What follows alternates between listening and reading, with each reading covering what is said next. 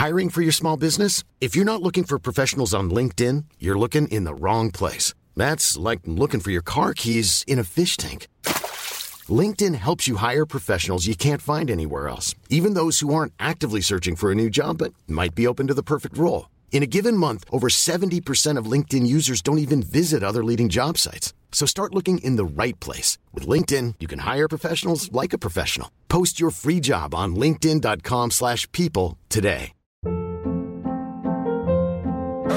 Hold up. What was that? Boring. No flavor. That was as bad as those leftovers you ate all week. Kiki Palmer here, and it's time to say hello to something fresh and guilt-free. Hello Fresh. Jazz up dinner with pecan-crusted chicken or garlic butter shrimp scampi. Now that's music to my mouth. Hello Fresh. Let's get this dinner party started. Discover all the delicious possibilities at hellofresh.com.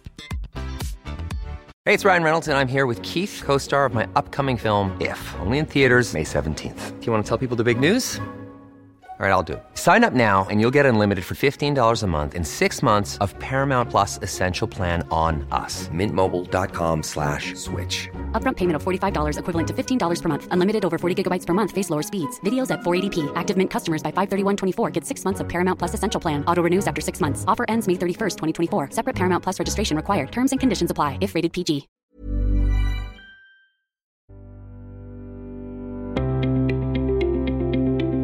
Varmt välkomna till Hälsopodden, en ny inspirerande podcast inom området hälsa och personlig utveckling. Jag som driver Hälsopodden heter Emma Bojemyr och arbetar som coach. Jag kommer att träffa de främsta personerna inom sitt område och ställa de frågor som du undrar över. Jag är så glad över att få presentera vår samarbetspartner Hälsokraft. Therese, vill du presentera dig och berätta mer om Hälsokraft? Hej! Therese heter jag och arbetar på Hälsokraft. En hälsokostkedja med 65 butiker och e-handel inom naturlig hälsa som i år firar 30 år. Hos oss hittar du ett noga utvalt sortiment med allt från kosttillskott, naturlig hudvård och produkter för hemmet som alla främjar en hälsosam livsstil. Oavsett vilka besvär du har eller om du vill få hjälp med att upprätthålla en hållbar livsstil finns vi här för att hjälpa dig med frågor och hälsorådgivning när du behöver det. Vi har också digital rådgivning via vår hemsida, halsokraft.se. Idag ska vi ha en gäst som heter Dr. Diamantis, en kinesisk läkare. Så, och vi ska prata om eh, trauma, traumaläkning och hur man tar hand om det inre barnet. Han är före detta basketspelare på elitnivå som läste vidare till naprapat och direkt efter examen reste till Shanghai i Kina och läste kinesisk medicin. Idag är han en framgångsrik läkare och behandlare med egen klinik i Stockholm där han möter personer med olika symptom och eh, besvär. Välkommen Dr. Diamantis. Tack så hemskt mycket, så kul att få vara här. Verkligen en ära. Hur har sommaren varit? Sommaren har varit eh, fantastisk på flera olika sätt. Kanske vädermässigt, juli kanske inte fick godkänt i år, men i mitt liv har det hänt jättemånga fina saker.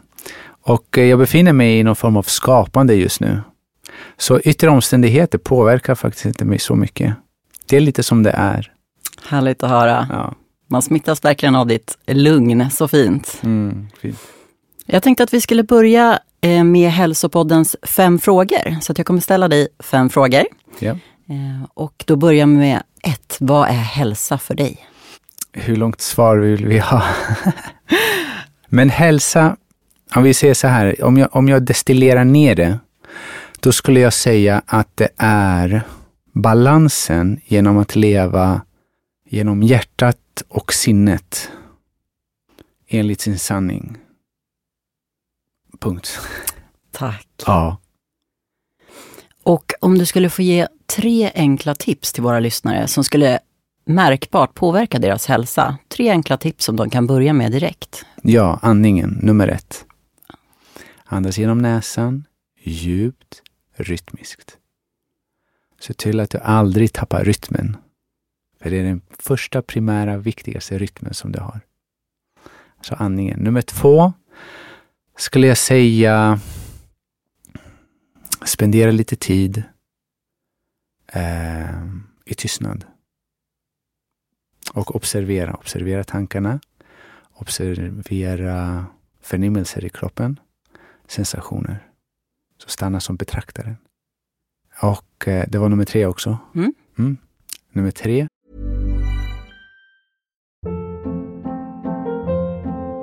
Hold up. What was that? Boring. No flavor. That was as bad as those leftovers you ate all week. Kiki Palmer here, and it's time to say hello to something fresh and guilt-free. Hello Fresh. Jazz up dinner with pecan-crusted chicken or garlic butter shrimp scampi. Now that's music to my mouth. Hello Fresh. Let's get this dinner party started. Discover all the delicious possibilities at hellofresh.com.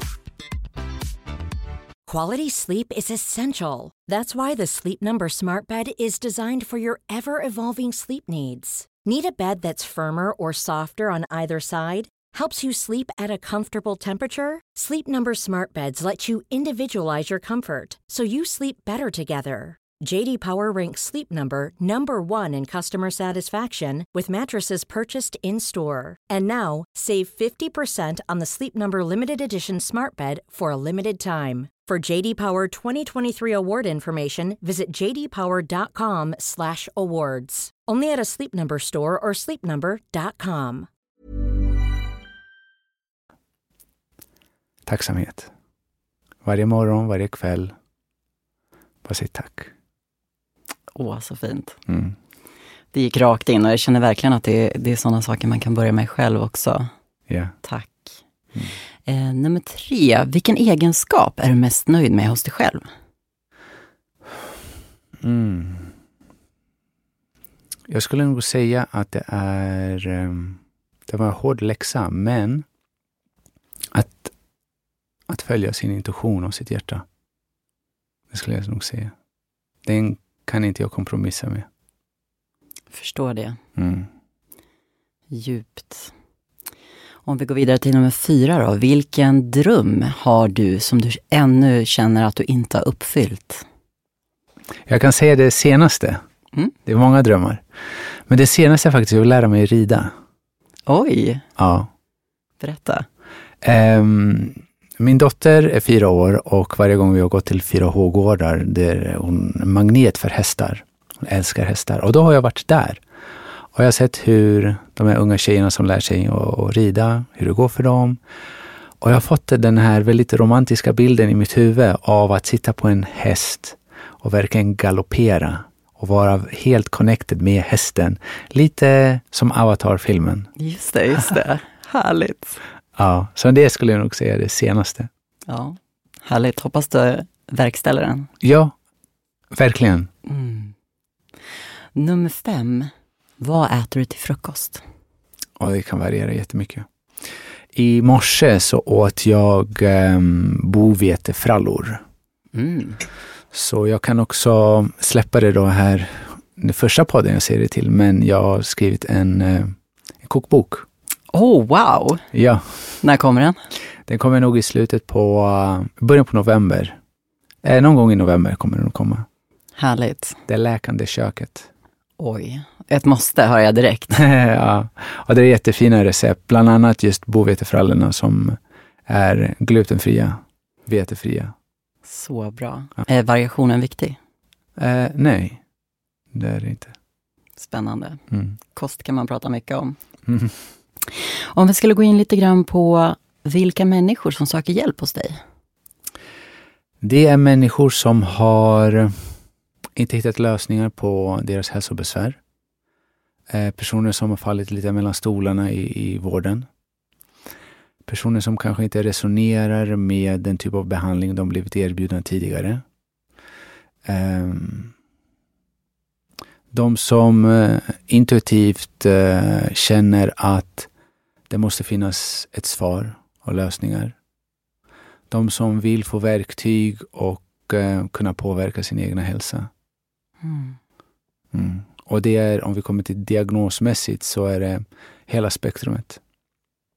Jag brukar säga att jag känner mig lite som den här äh, västerländska läkaren som åkte ner till Afrika kanske på 60-70-talet och hade äh, kanske, ja, var den enda läkaren i en jättestor, inte vet jag, kommun, län och fick ta emot alla olika typer av patienter. Så känner jag mig i Sverige. Så det kan komma allt från väldigt kroniska ögonsjukdomar till, idag var det en ME och fibromyalgipatient, till eh,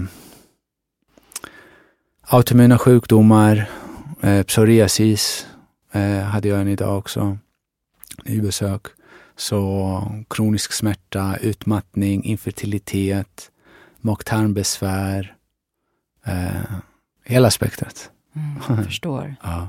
Är det svårt eller hur känner du att, att hantera så många olika? Det är enormt utmanande. Mm. Föreställ dig den här läkaren som, som nere i Afrika som fick allt.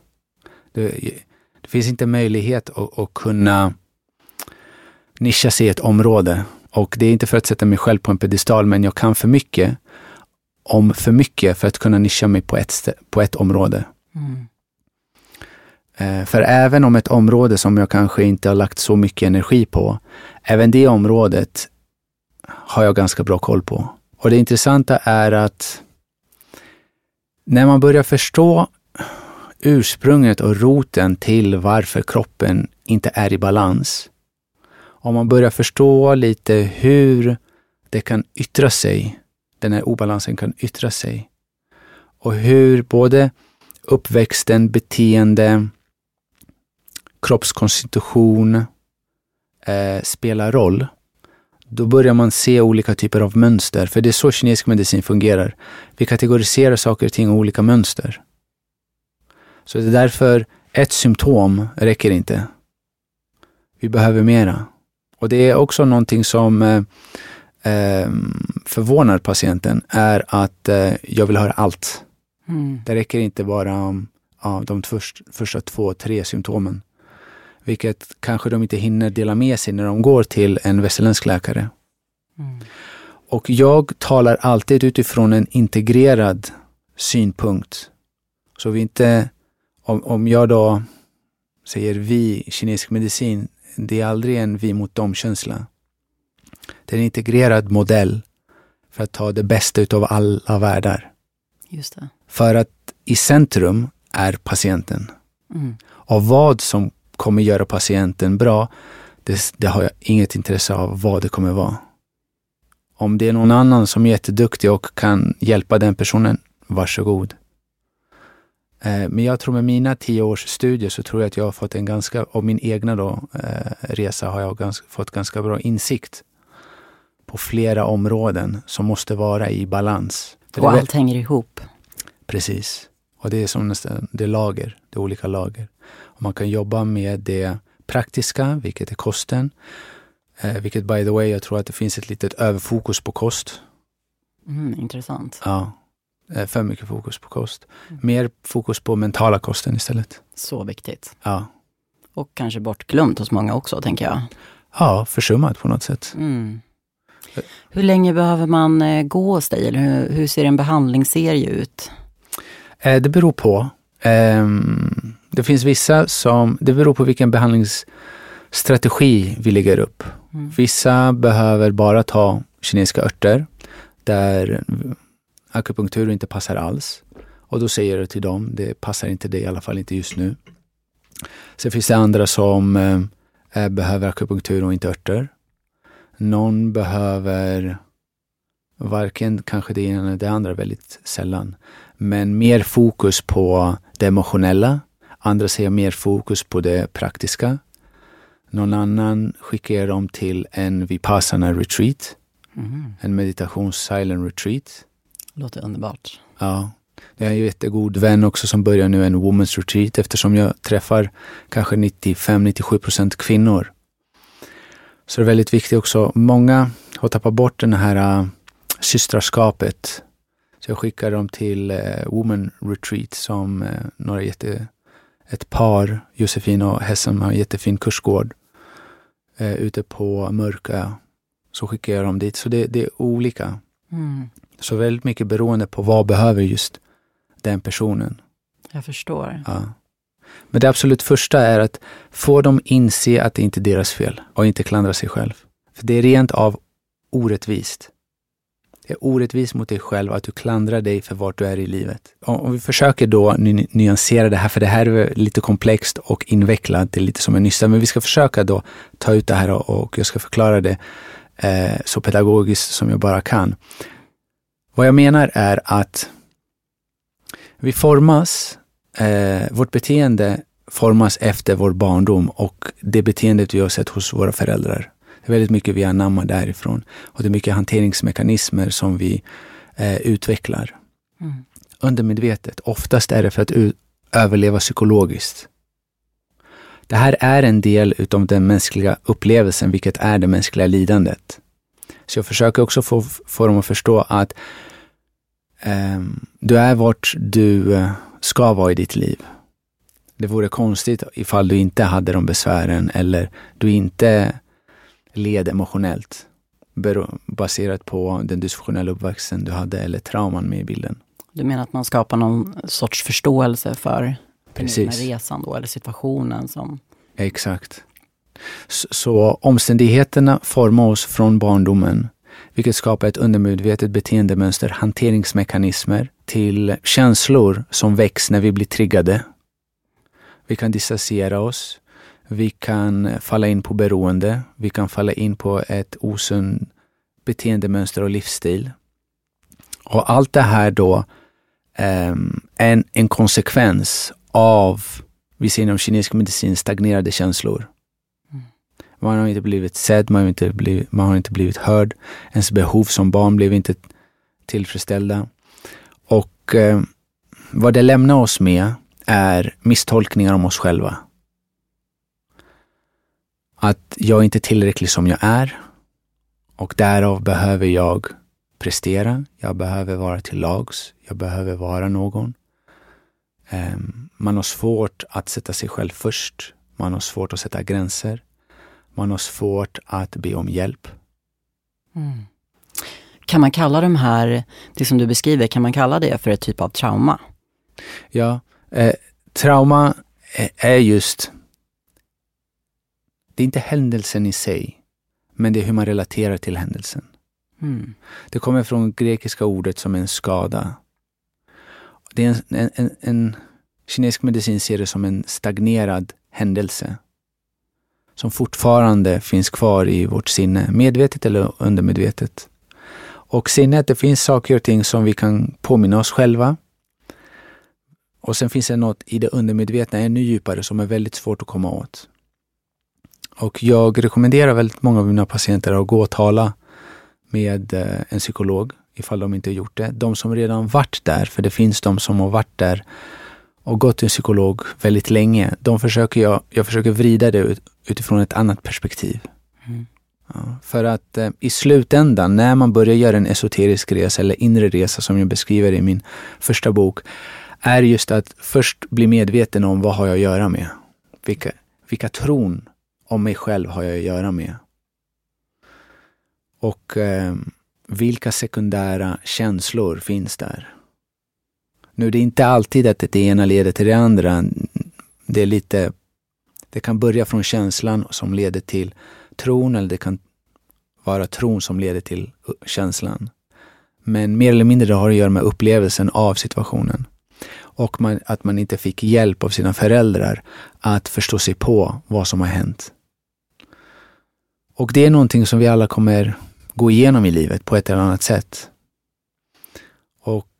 Därav också ordspråket på engelska gällande barn, våra barn, mm. trots de goda intentionerna, att we're gonna screw them up one way or another, but just don't screw them up too much. Jag förstår. Ja. Jag förstår exakt vad du menar. Och det här går tillbaka då till Buddha och hans fyra budord. Att leva innebär att lida. Lidande kommer från identifieringen med dina tankar och tron. Tre, det går att befria sig. Och vi gör det genom då en inre resa. Mm.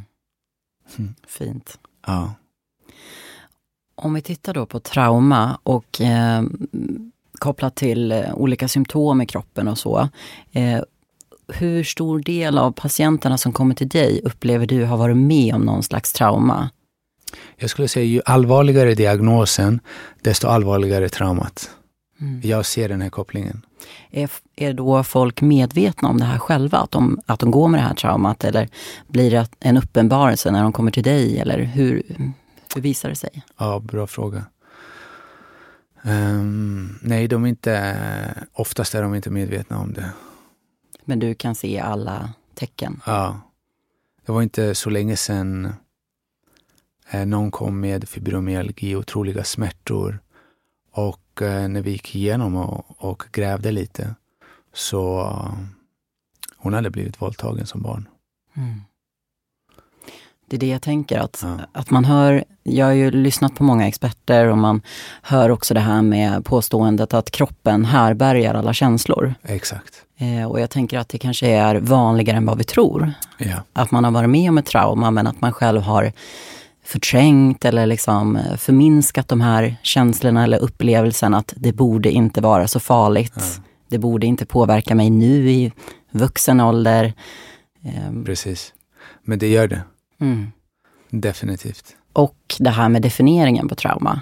Yeah. Att man kanske tänker att ja, men jag har inte varit med i krig. Eh, jag, jag, har inte blivit skjuten i benet. Eller liksom att trauma kan ju vara så, så mycket mer. Precis. Eh, stort och litet. Ja. Men hur skulle du definiera trauma?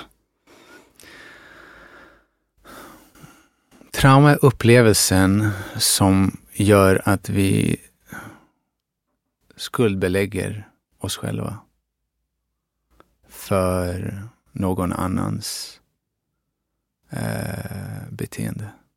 Mm. Det skulle jag också säga. För vi kan ta ett, ett exempel som jag brukar säga och det här är då, jag förstår att det är ett känsligt exempel, men när en kvinna föder och låt oss säga hon, hon spricker. Hon håller ingen agg mot barnet för det. Det är nästan som något år senare så vill hon nästan hon har ingenting emot att gå igenom det igen. Medan ifall samma skada skulle ske på grund av att någon skulle föröva sig på henne, då skulle hon skulle ha men, högst troligt. Hon skulle behöva få hjälp att gå igenom eh, den processen och läka. Mm. Och hur läker man då ett trauma? Först och främst behöver man bli medveten om vad man har att göra med. Så jag brukar se det som ett panorama. Om man börjar se sitt egna liv från nu och så backar man bakåt och man ser sitt beteendemönster, man ser de stora eventen som finns där. Och man ställer frågor som, ja men vems bekräftelse sökte man? För väldigt ofta en, kommer från en dysfunktionell uppväxt så kan det vara så att man sökte någons bekräftelse. Och ibland kan det vara så att det var någonting som hände. Ibland kan det vara så att det inte hände det som borde händas. Vilket betyder kramar, pussar, värme. Det kanske inte fanns där. Mm. Mamma eller pappa kunde kanske inte vara um, den känslo, visa sina känslor så som de behövde. Mm. För att vad det gör är att det ger ett medgivande för barnet att älska sig själv villkorslöst. Så föräldrarnas villkorslösa kärlek till barnet är avgörande. Men det är det här som är också lidandet och transgenerationstrauma är att jag kan endast fullständigt älska någon ifall jag kan älska mig själv. Så har man då vuxit upp med en förälder som inte har mått så bra mm. eller haft den kärleken till sig själv, yeah. kanske inte kunnat vara en bra förälder. Yeah då kan det också ge ett trauma i uppväxt till barnet. Grejen är att vi blir triggade på olika sätt och vi ska skapa hanteringsmekanismer. Och det menar inte att föräldrar som då inte har gjort sitt inre arbete inte älskar sina barn. Mm. Men vad jag ser är att, och själv känner, för jag är själv i den här resan, är att eh, det blir så lätt att man eh, att man blir triggad och eh, speciellt om man har haft en tuff dag på jobbet och kommer hem och man vill bara ta en paus men man behöver vara där för sina, för sina barn. Och föräldrar de slits mellan de här tre sakerna är att förse hushållet med, med pengar och ekonomi. Därefter vara den bästa version för sig själva. Och tredje är vara närvarande för familjen. Just det. Och, ehm, och det här är då, jag skulle nog säga, inte alla slits inte mellan dem, men eh, de med självinsikt som vet vad eh, de behöver göra och jobba på. Och det här då i takt med att det finns allt, allt flera eh, förväntningar också. Det är absolut inte lätta tider vi lever i. Från ena sidan har vi transgenerationstrauma och från andra sidan så finns det förväntningar. För du som ung kvinna ska se ut på ett specifikt sätt. Du ska ha en specifik akademisk bakgrund. Du ska ha ett arbete, en titel. Du ska såklart träna och du ska också då göra dina andningsövningar och meditera. Mm. Och du ska alltid vara glad. Listan blir lång. Ja, precis. Du ska också vara glad, glöm inte det. Och inte klaga. Exakt. Ja, och det är så här, vad begär vi av oss själva egentligen? Vilken, det finns, den versionen finns inte. Mm. Det är nästan så vi begär alla vara någon form av Jesus. Så är det. Ja. Men eh, kan, kan det vara så att man, man, man kommer till dig, man söker för olika symptom, men det är egentligen ett tecken på ett trauma och att du då kan hjälpa personen vidare? Eller skickar du då, hänvisar du dem till någon annan då? Eller kan du ge dem eh, redskap, alltså mentala eller örter eller vad, vad, gör du med en person när du märker att här är någonting som vi måste gå Precis. vidare med? Så först nummer ett, det är det mindset. Så, så jag försöker då, mindset and set the mind. Jättefina, en lek med två ord. Och det har att göra att, att, att förändra perspektivet. För att är vi i samma loop av tankar och samma loop av beteende och vi förväntar oss ett nytt resultat. Det är definitionen av madness. Mm. It's never gonna happen. Så genom att Genom att börja göra andningsövningar på morgonen och meditation och förstå lite sinnets natur och även att i den här stund, lugna stunden att jag blir betraktaren som kan se och observera mina tankar skapar också en distans till bruset i hjärnan. Mm. Det, det börjar bli då en positiv spiral för att även känslor som väcks kan vi observera, tankar som väcks kan vi observera och betrakta. Vi börjar, jag, jag ofta ger dem också läxor i form av att skriva en lista på vad de vill. De ska vara väldigt specifika och, och prata i nuläge och ja-läge. Eh, för att just, det har att göra med, eh, det är också ett helt annat ämne i sig, men manifestations. Just det. Att man börjar med att skriva ner intentionerna på vad jag vill. Mm. Många vet att de vill från lidande. Men vart vill du? Hur visualiserar du ditt liv? Hur vill du att det ska utvecklas? Det måste vara väldigt tydligt. Mm. Förlåtelsebrev, är det någonting som man kan använda sig av? Jättefint. Jättefint. Om man har varit med om någon specifik händelse så ja. det är inte ovanligt att det eh, kommer som mardrömmar eller att det är något scenario och något ögonblick som spelas upp. Precis. I huvudet. Att man då liksom kanske använder sig av förlåtelsebrev och skriver kring den här situationen eller till den här personen. Eller, ja. Jag börjar skriva, be dem skriva förlåtelsebrev till sig själva. Ja, ah, den var ju bra. Ja. För att i min upplevelse är det att det har, i nuläget har det ingenting att göra med någon annan än dig själv. Mm. Och mina misstolkningar om mig själv. Att jag inte är tillräcklig, är kapabel, att jag inte är värd, och där kommer också skulden, skammen, rädslorna in. Just det.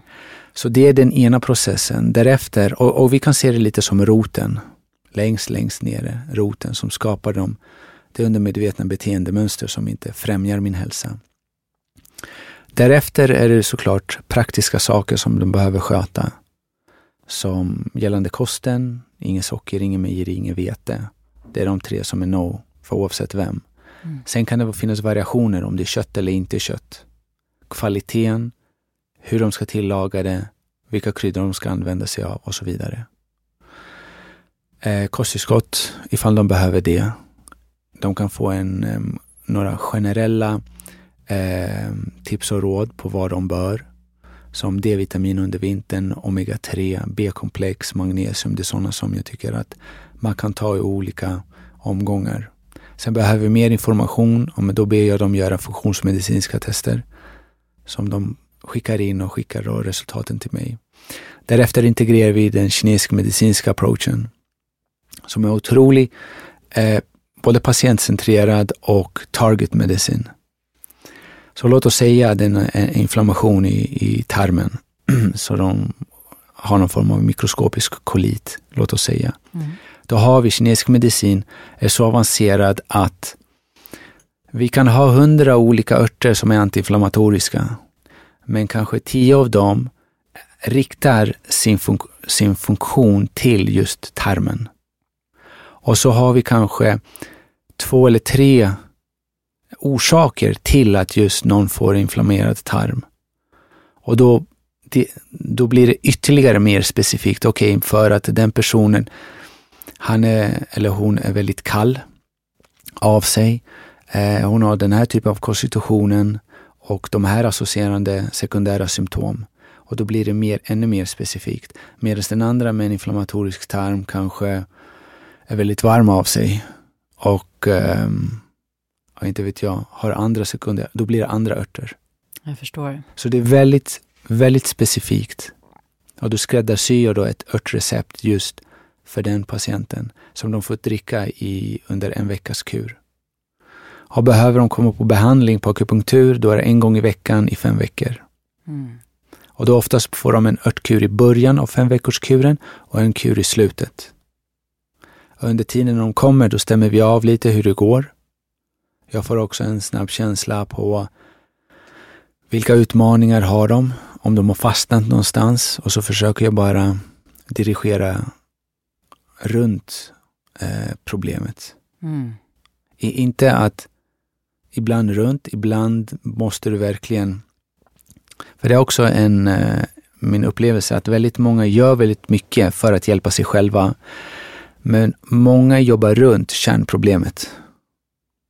Att de missar det här inre arbetet då till exempel? Eller? Ja, någonting väldigt jobbigt som att ja, men låt oss bara göra allt det andra och hoppas att jag inte behöver ta tag i det där riktiga jobbiga. Varför är det så? Man vill undvika för att när vi väl går in i det rummet, det är så här, vem vet vad som kan hända? Det är rädslor. Mycket rädslor, tappa kontroll. Mm. Och rädslor också vad man, bör, vad man kan eh, hitta och upptäcka. För att eh, som min, eh, i, i, i, min egna resa i djupmeditation, när jag kom till insikt vad jag trodde egentligen om mig själv. Med att eh, komma från en bakgrund av elitidrott och komma från en familj som eh, bar på sina egna trauman. Min far från Grekland, min mor från Polen. Så eh, kom jag till insikt med vad jag egentligen tror om mig själv och hur pass mycket skam och hur pass mycket skuld jag bar på. Mm. Och det är såklart, det, det är ingen underbar upplevelse. Men det är så värt det. När kan man börja få känningar av att, åh, vilken relief? Det är när man börjar inse att eh, jag som betraktaren, jag som medvetande, har makten att gå tillbaka till stackars lilla jag. Och jag har rätt till det och jag kan det. Men jag kan också välja framtid, kärlek, ljus. Mm. Och växa. Och då, då kommer också kraften tillbaka, energin kommer tillbaka. Just det. Mm. Och man känner att saker och ting börjar flöda på ett helt annat sätt. En värme som kanske inte kom ut till händerna, till fötterna. Och det är väldigt empowering. Mm. Att, att komma till den insikten. Det finns mycket att vinna. Allt. Mm. Men, men, du ser, ingen går in i den här resan på grund av att man sitter hemma och har ingenting att göra. Det är nästan som att livet tvingar dig dit. Det, är att, det känns som att livet håller på att krossa en. Att man håller på att stryps. Och det är oftast av en ren desperation. Man blir nästan eh, intvingad i ett hörn i ett rum. Ja. Det finns ingen annan utväg. Ja. Och det engelska ordspråket av the wisdom, the wisdom of rock bottom. Jag älskar det uttrycket eftersom när man är redo att ge upp allt man tror man behöver för att bli någon och vara tillräcklig. När man kommer till den punkten och säger ta allt jag har. Jag har inget intresse av det längre. Jag vill bara få mitt liv tillbaka. Jag vill leva. Det sker någonting där. Någonting som vi egentligen inte kan beskriva med ord. Och det är inte att jag ska säga någonting paranormalt eller jag tycker inte om att använda ordet spirituellt. För det är sånt, det är så, det är så eh, jag tror man använder, man har inte förstått riktigt vad, vad det betydelsen av den. Oavsett hur vi försöker förklara det, det är inte ens det. Nej. Men att det är någonting som sker där. En, en inre kraft. Ett energiskifte. Ett skifte från att tillåta sig själv vara i sitt hjärta. Mm. Och det mest smärtsamma är ju den stunden också att man tar ansvar över allt som har hänt i ens liv. Och det är det som också är en stor utmaning för många. Mm. Att sluta peka finger. Just det, skylla på andra. Exakt. Det är hans fel, det är mammas fel. Ja, omständigheternas fel, vädrets fel, mm. coronans fel, Ukrainans fel, whatever. Så ta, fullt, ta fullt ansvar över ditt liv. Då kommer du också ha möjligheterna till att förändra det. Vi på Hälsopodden vill tillsammans med Hälsokraft ge dig 20% rabatt på hela deras sortiment. Therese, vill du berätta mer? Ja, självklart. Vi på Hälsokraft erbjuder alla Hälsopodden-lyssnare 20% rabatt på hela vårt sortiment. Surfa in på halsokraft.se och ange koden HÄLSA20 i kassan så dras rabatten automatiskt. Och behöver du hjälp? Tveka inte att höra av dig.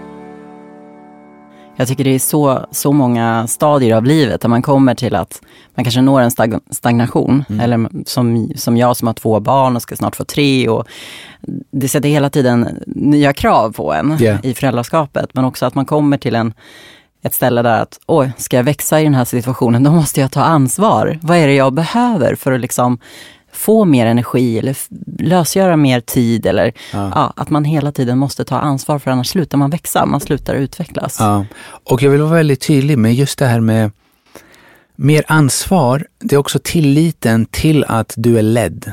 Du är vägledd, det finns redan inom dig. Intuition och magkänsla. Det är någonting otroligt kraftfullt. Och det går också i hand i hand med att ge upp. Att, att, ge upp, att sluta försöka för mycket. Mm. Surrender. Lite så. Mm. För, och, och, det är faktiskt en av de sakerna som jag ger som läxor till mina patienter, är att de tror de tar fram då almanackor och de ska skriva upp massa saker. Och det nej, nej, nej, nej, nej. Vi är för mycket i görandet och i försökandet. Just det. Och det är nästan, vi, det behövs ske, det är en annan form av riktning. Det är att tillåta utrymme och tillåta det ske som en konsekvens av att jag inte är där och pillar hela tiden. För vi pillar på tok för mycket. Vi är där och ska försöka, det är som om det är jag som styr mitt eget liv från morgon till kväll och det finns och jag förstår beteendet också, vart det kommer ifrån. För vi försöker också ha kontroll. Mm. För att just våra trauman skedde i det oförutsägbara. När jag minst anade det är då helt plötsligt, inte vet jag, pappa eller mamma hade en dålig dag. Eller en tränare. Eller någonting hände mig. Helt oförutsägbart.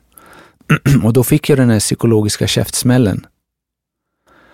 Och sen hände det igen och igen och igen på olika sätt. Mm. Och ja, man kan ha ett stort trauma som ett eh, överfall eller liknande. Men det ofta ser en dysfunktionell uppväxt. Det är de här små, små händelserna som vi skapar små misstolkningar. Vi skapar miss, små misstolkningar om, en små lögn om oss själva. Som över tid får oss att landa och vara övertygade om att det där stämmer. Så om vi försöker då backa bandet och ändra riktning. Vi kan inte förvänta oss heller att från en dag till en annan att jag ska ha universal självkärlek. En euforisk kärlek och glädje till livet. Om du kollar tillbaka hur du relaterar till dig själv och hur många lögner du har sagt till dig själv varje gång du har kollat dig själv i spegeln. Hur, hur, det är helt orimliga förväntningar. Så vi behöver egentligen höja vårt medvetande, vara mer närvarande i här och nu. Se den här rösten, se den här platsen, de här känslorna. Och varje gång de kommer, inte försöka förtrycka dem, förinta dem, men att krama dem, att möta dem, att se dem, att le mot dem och i slutändan ta in dem i ditt hjärta. För vad ska vi göra av all skam och all skuld och alla tron om oss själva? Men det handlar någonstans om att lyfta upp det i ljuset och välkomna det med kärlek. Är det så? Ja, För det man spontant vill göra, det är att man vill förtränga saker. Man vill ju förminska det, att det inte har hänt eller sticka undan. Man, det går åt så mycket energi och att, att liksom försöka ta bort saker som att det inte har hänt eller man vill göra allt bara för att förtränga saker och gå vidare. Jag tänker att det är den spontana Ja. reaktionen som folk använder sig av. ja. Det man försöker undvika, det är att reuppleva den känslan. Just det, Det är vad vi försöker undvika. försvara oss. Precis. Det är en form av skydd. Men ja, det kräver energi att gå tillbaka dit. Men tänk på hur pass mycket energi det krävs för att hålla inne den här frustrationen, den här ilskan som inte man fick utrymme att uttrycka. Och där kommer kinesisk medicin in som har fantastiska förklaringar. Att det har med att leverns qi är stagnerad. Och varför levern? Jo, för att känslor som irritation, frustration, ilska, säger vi, har att göra med levern. Vi har ett jättefint ordspråk på, på svenska som heter att någon är hetlevrad. Ja. det passar bra in här då. Ja, exakt. Men det, det, är det är faktiskt en diagnos inom kinesisk medicin. Att någon har varit så stagnerad så pass länge, sen är deras konstitution på ett specifikt sätt. Och det kan vara någon som är, har lite temperament, väldigt varm av sig. De brukar vara lite mer eh, extroverta och, och de blir då hetlevrade. På grund av att de har så mycket stagnerade känslor. Precis, det, det, det är så kroppen försöker då pysa ut lite av det här. Någon annan när de blir frustrerade, de gråter. De blir ledsna, de gråter. De blir glada, de gråter.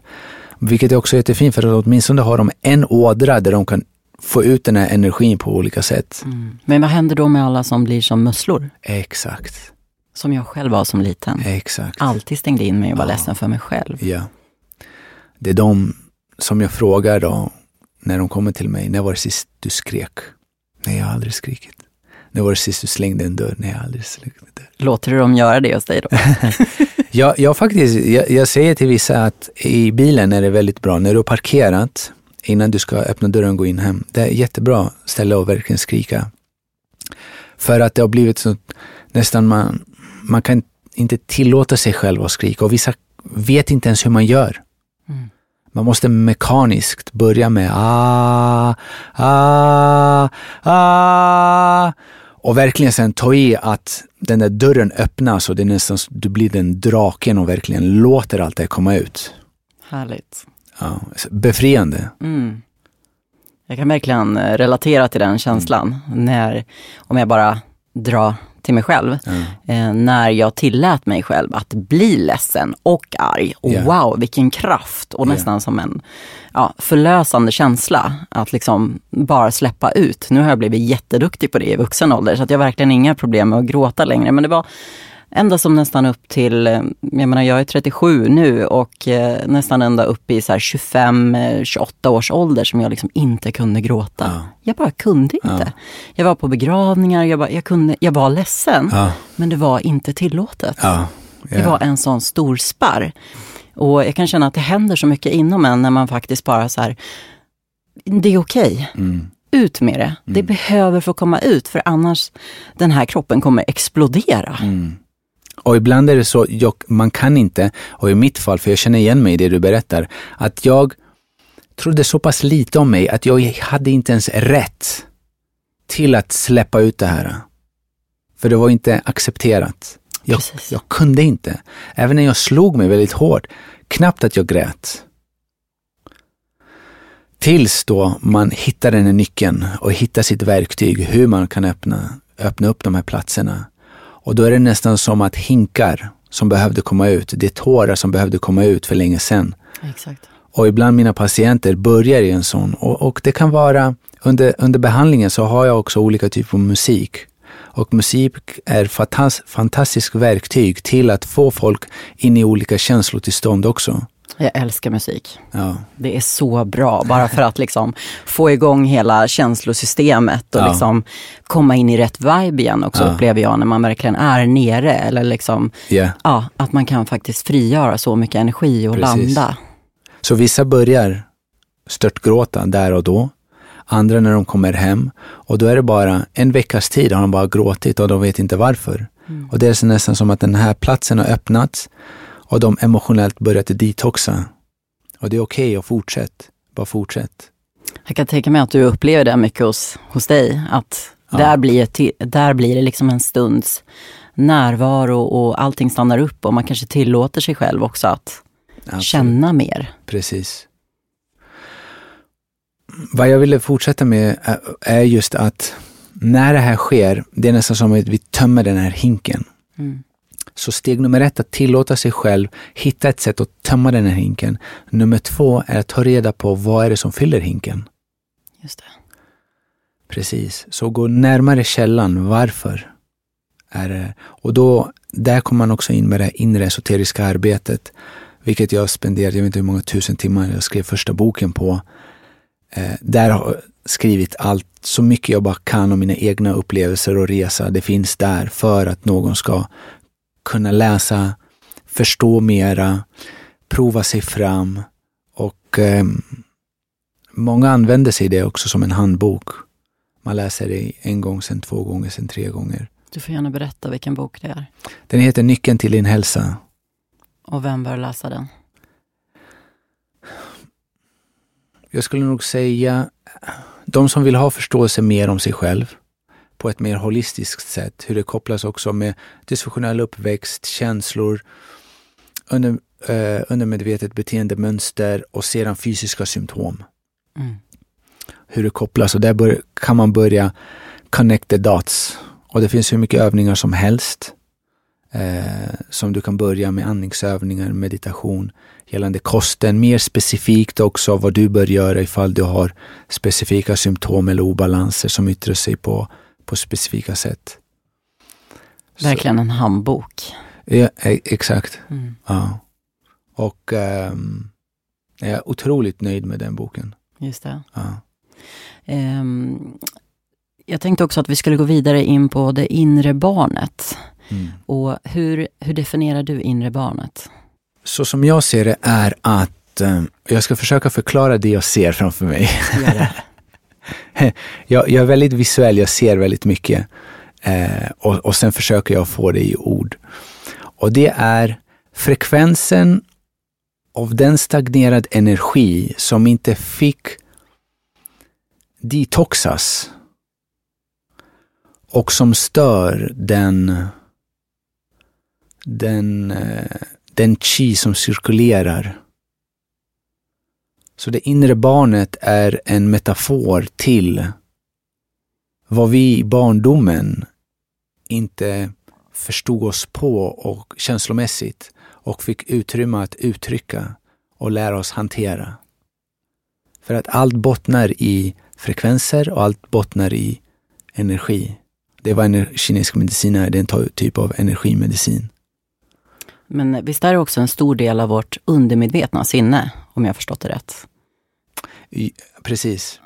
Och, och det är en, en västerländsk förklaring till, till en underliggande eh, dissonans, energisk dissonans som har stagnerat i kroppen.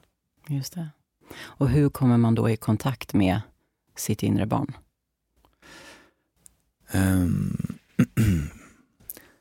vi har rört, berört lite de här under samtalet, men jag skulle nog säga att man kan visualisera. Man kan visualisera sig själv. Man kan ta fram en bild på sig själv. Det här är en av övningarna som jag ger till mina patienter. Ta fram en mental bild på dig själv när du var liten som du tycker om.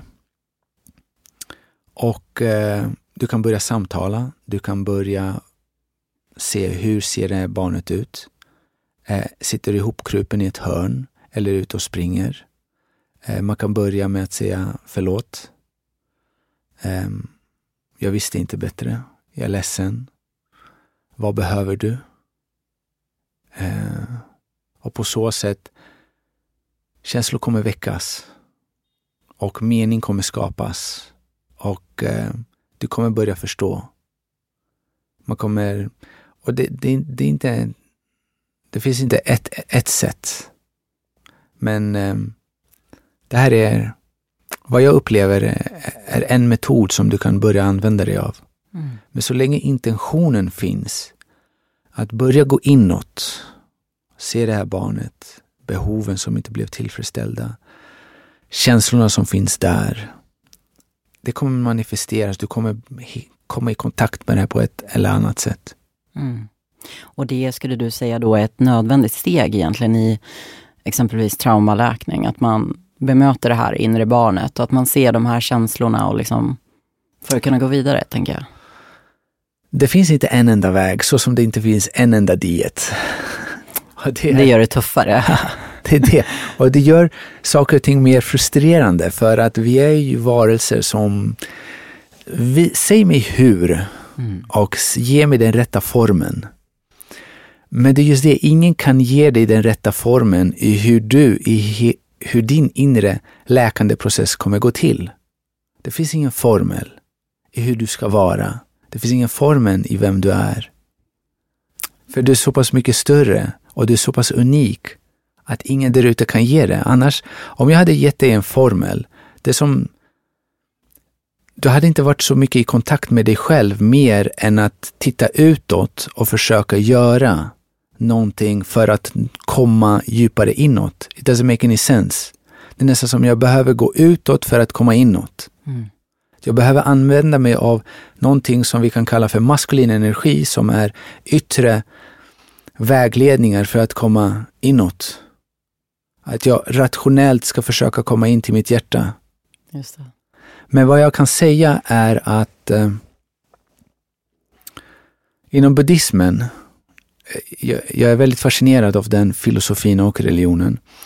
Det är så intressant för att av alla de gångerna jag besökte tempel och kloster och samtalade med nunnor och buddhistiska masters, det var inget snack om shadow work, inner child work, traumabearbetning. Och jag tror inte att det är för att under årtusenden de hade inte förstått sig på att det finns någonting sånt. Men jag tror att för att de har knäckt de algoritmiska koden och förstått att bara fokus på ljus och kärlek. Så alla chanting som jag var inne på med 500 nunnor och munkar och det bara ekade och det var nästan så att nästan en out of body experience. Det är bara så här ljus, ljus, ljus, kärlek, kärlek, kärlek, ljus, ljus, ljus, kärlek, kärlek, kärlek. Så om vi sammanfattar väldigt mycket som vi har pratat om. Mm. Ja, allt det här som har hänt inom oss, det finns där. Mm. Men vad, vad jag tar ifrån de här lärdomarna efter många samtal med buddhistiska masters är just vår möjlighet att fokusera på ljus och kärlek. För att i slutändan, det är vad vi behöver göra för att ly lysa på allt det här inom oss som en gång i tiden tyngde oss. Och när vi börjar förstå det, det är då vi blir vår inre alkemist. Och kan göra om allt det jobbiga, tunga till faktiskt någonting vackert. Och man, i slutändan blir man också tacksam. För alla de händelserna och alla de personerna som gjorde att jag tvingades ner in till det här mörkret. Och tvingades faktiskt ta fram den absolut bästa versionen av mig, av alla versioner jag någonsin kunde bli. Det är att allt det onda som hände mig då har, har lett mig till allt det här vackra som jag endast på det här sättet kunde bli. Så om man börjar sluta den här cirkeln så hamnar man i tacksamhet, i förlåtelse och i kärlek. Just det. Så viktigt för att kunna gå vidare, tänker jag också. Mm. Mm. Och det var bra, för egentligen var min nästa fråga så här, hur viktigt är det egentligen att se bara bakåt? Att mm. hur mycket ska vi vända blicken framåt, uppåt och liksom försöka se det positiva utav kanske det mörka som hände. Ja. Ehm, men det, det är som du säger, du summerar det väldigt bra där att Ja. det är vägen ut. Att känna också en tacksamhet kanske för att jag var med om det här Ja. och det gör mig till den personen jag är idag. För det hade jag inte varit utan det här. Precis. Och när man gör den här resan, det finns inga förväntningar. Det är inte att jag gör den här resan för att jag ska bli den bästa versionen av mig själv. Det är en version som sker som en konsekvens av det jag behöver gå igenom här och nu. Mm, Det är någonting som inte jag styr över. just Det är någonting som händer. Och, och- och det för oss också in på hur pass mycket kan vi kontrollera vårt liv egentligen? Våra tankar, tänker jag. Det kan vi kontrollera.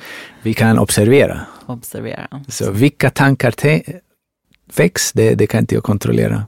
Men vad vi har sett är att ju fler tankar vi fokuserar på, då liknande tankar kommer då väckas igen. Det är vad vi matar också sinnet med kanske. Exakt. Ja. Avslutningsvis då, vad skulle du vilja ge våra följare om man tampas då med trauman, i det här fallet kanske medvetna trauman. Mm. Vad tycker du att man bör göra som sin nästa action? Ge aldrig upp. Ge aldrig upp. Om du bestämmer dig att jag ska banne mig bli fri från det här. Om det är någonting fysiskt, det är någon diagnos, det är någonting du bär på. Och det är inte att vi förbiser undersökningar eller medicinering. Allt det här är fantastiskt, men du behöver gå in i den här frekvensen. Du behöver gå in och bli den här kalibern som säger jag, behöver, jag ska göra det som krävs. Vilket betyder att jag ger aldrig upp. Så som i min resa, min fysiska resa, för ni som inte känner till, jag var sängliggande ett halvår med till och med jag hade kommit till den punkten att jag um, trodde inte att jag skulle överleva. Det var en otroligt tuff period. Så jag vet hur det känns. Jag vet hur det är där nere. Och, och nästan att livet har uh, gett upp på en. Uh, att aldrig ge upp. Och den kraften finns hos oss alla. Den finns där. Och jag tror, jag har inget bättre råd att ge. Det är så här, uh, never give up. Om du bestämmer dig för någonting, ingenting kan stoppa dig. Du kommer hitta ditt sätt och du kommer förändra dina prioriteringar. Och du kommer förbise vad du tycker om och vad du föredrar och vad du är van vid. Om det är det här. Det är så här, när du kommer in i kalibern, care less. Om det är kanelbullens dag, om det är semlans dag eller om det är vilken, vad än som. Det är så här, care less. Jag ska ha mitt liv tillbaka.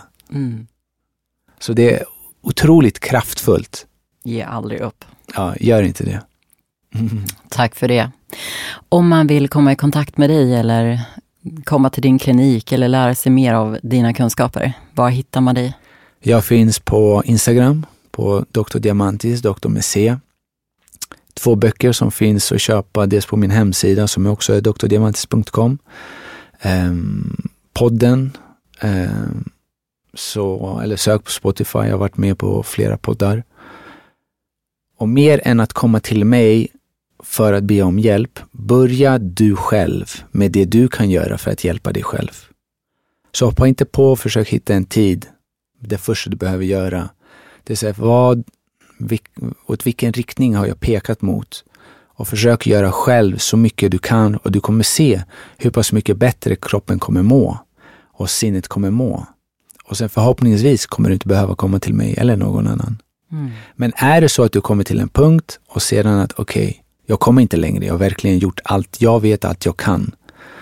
I så fall, då är du där och försöker få en tid och det är väldigt begränsat med tider. Eller tider finns, men alla är upptagna. Mm. Så mitt råd till de som behöver komma till mig är att varje morgon och kväll kolla ifall det har kommit in ett återbud. Stort tack Dr. Diamantis för att du ville gästa Hälsopodden. Tack en, så mycket. Det var en ära att ha dig här. Det har varit jättefint. Mm. Tack så mycket. Varsågod. Tack så mycket för att du har lyssnat idag. Önskar du förändra ditt liv och dina resultat? Då kan du bli coachad av mig genom att gå med i mitt coachingprogram Förändra ditt mindset, förändra ditt resultat. Läs mer på hälsopodden.se. Ta hand om dig.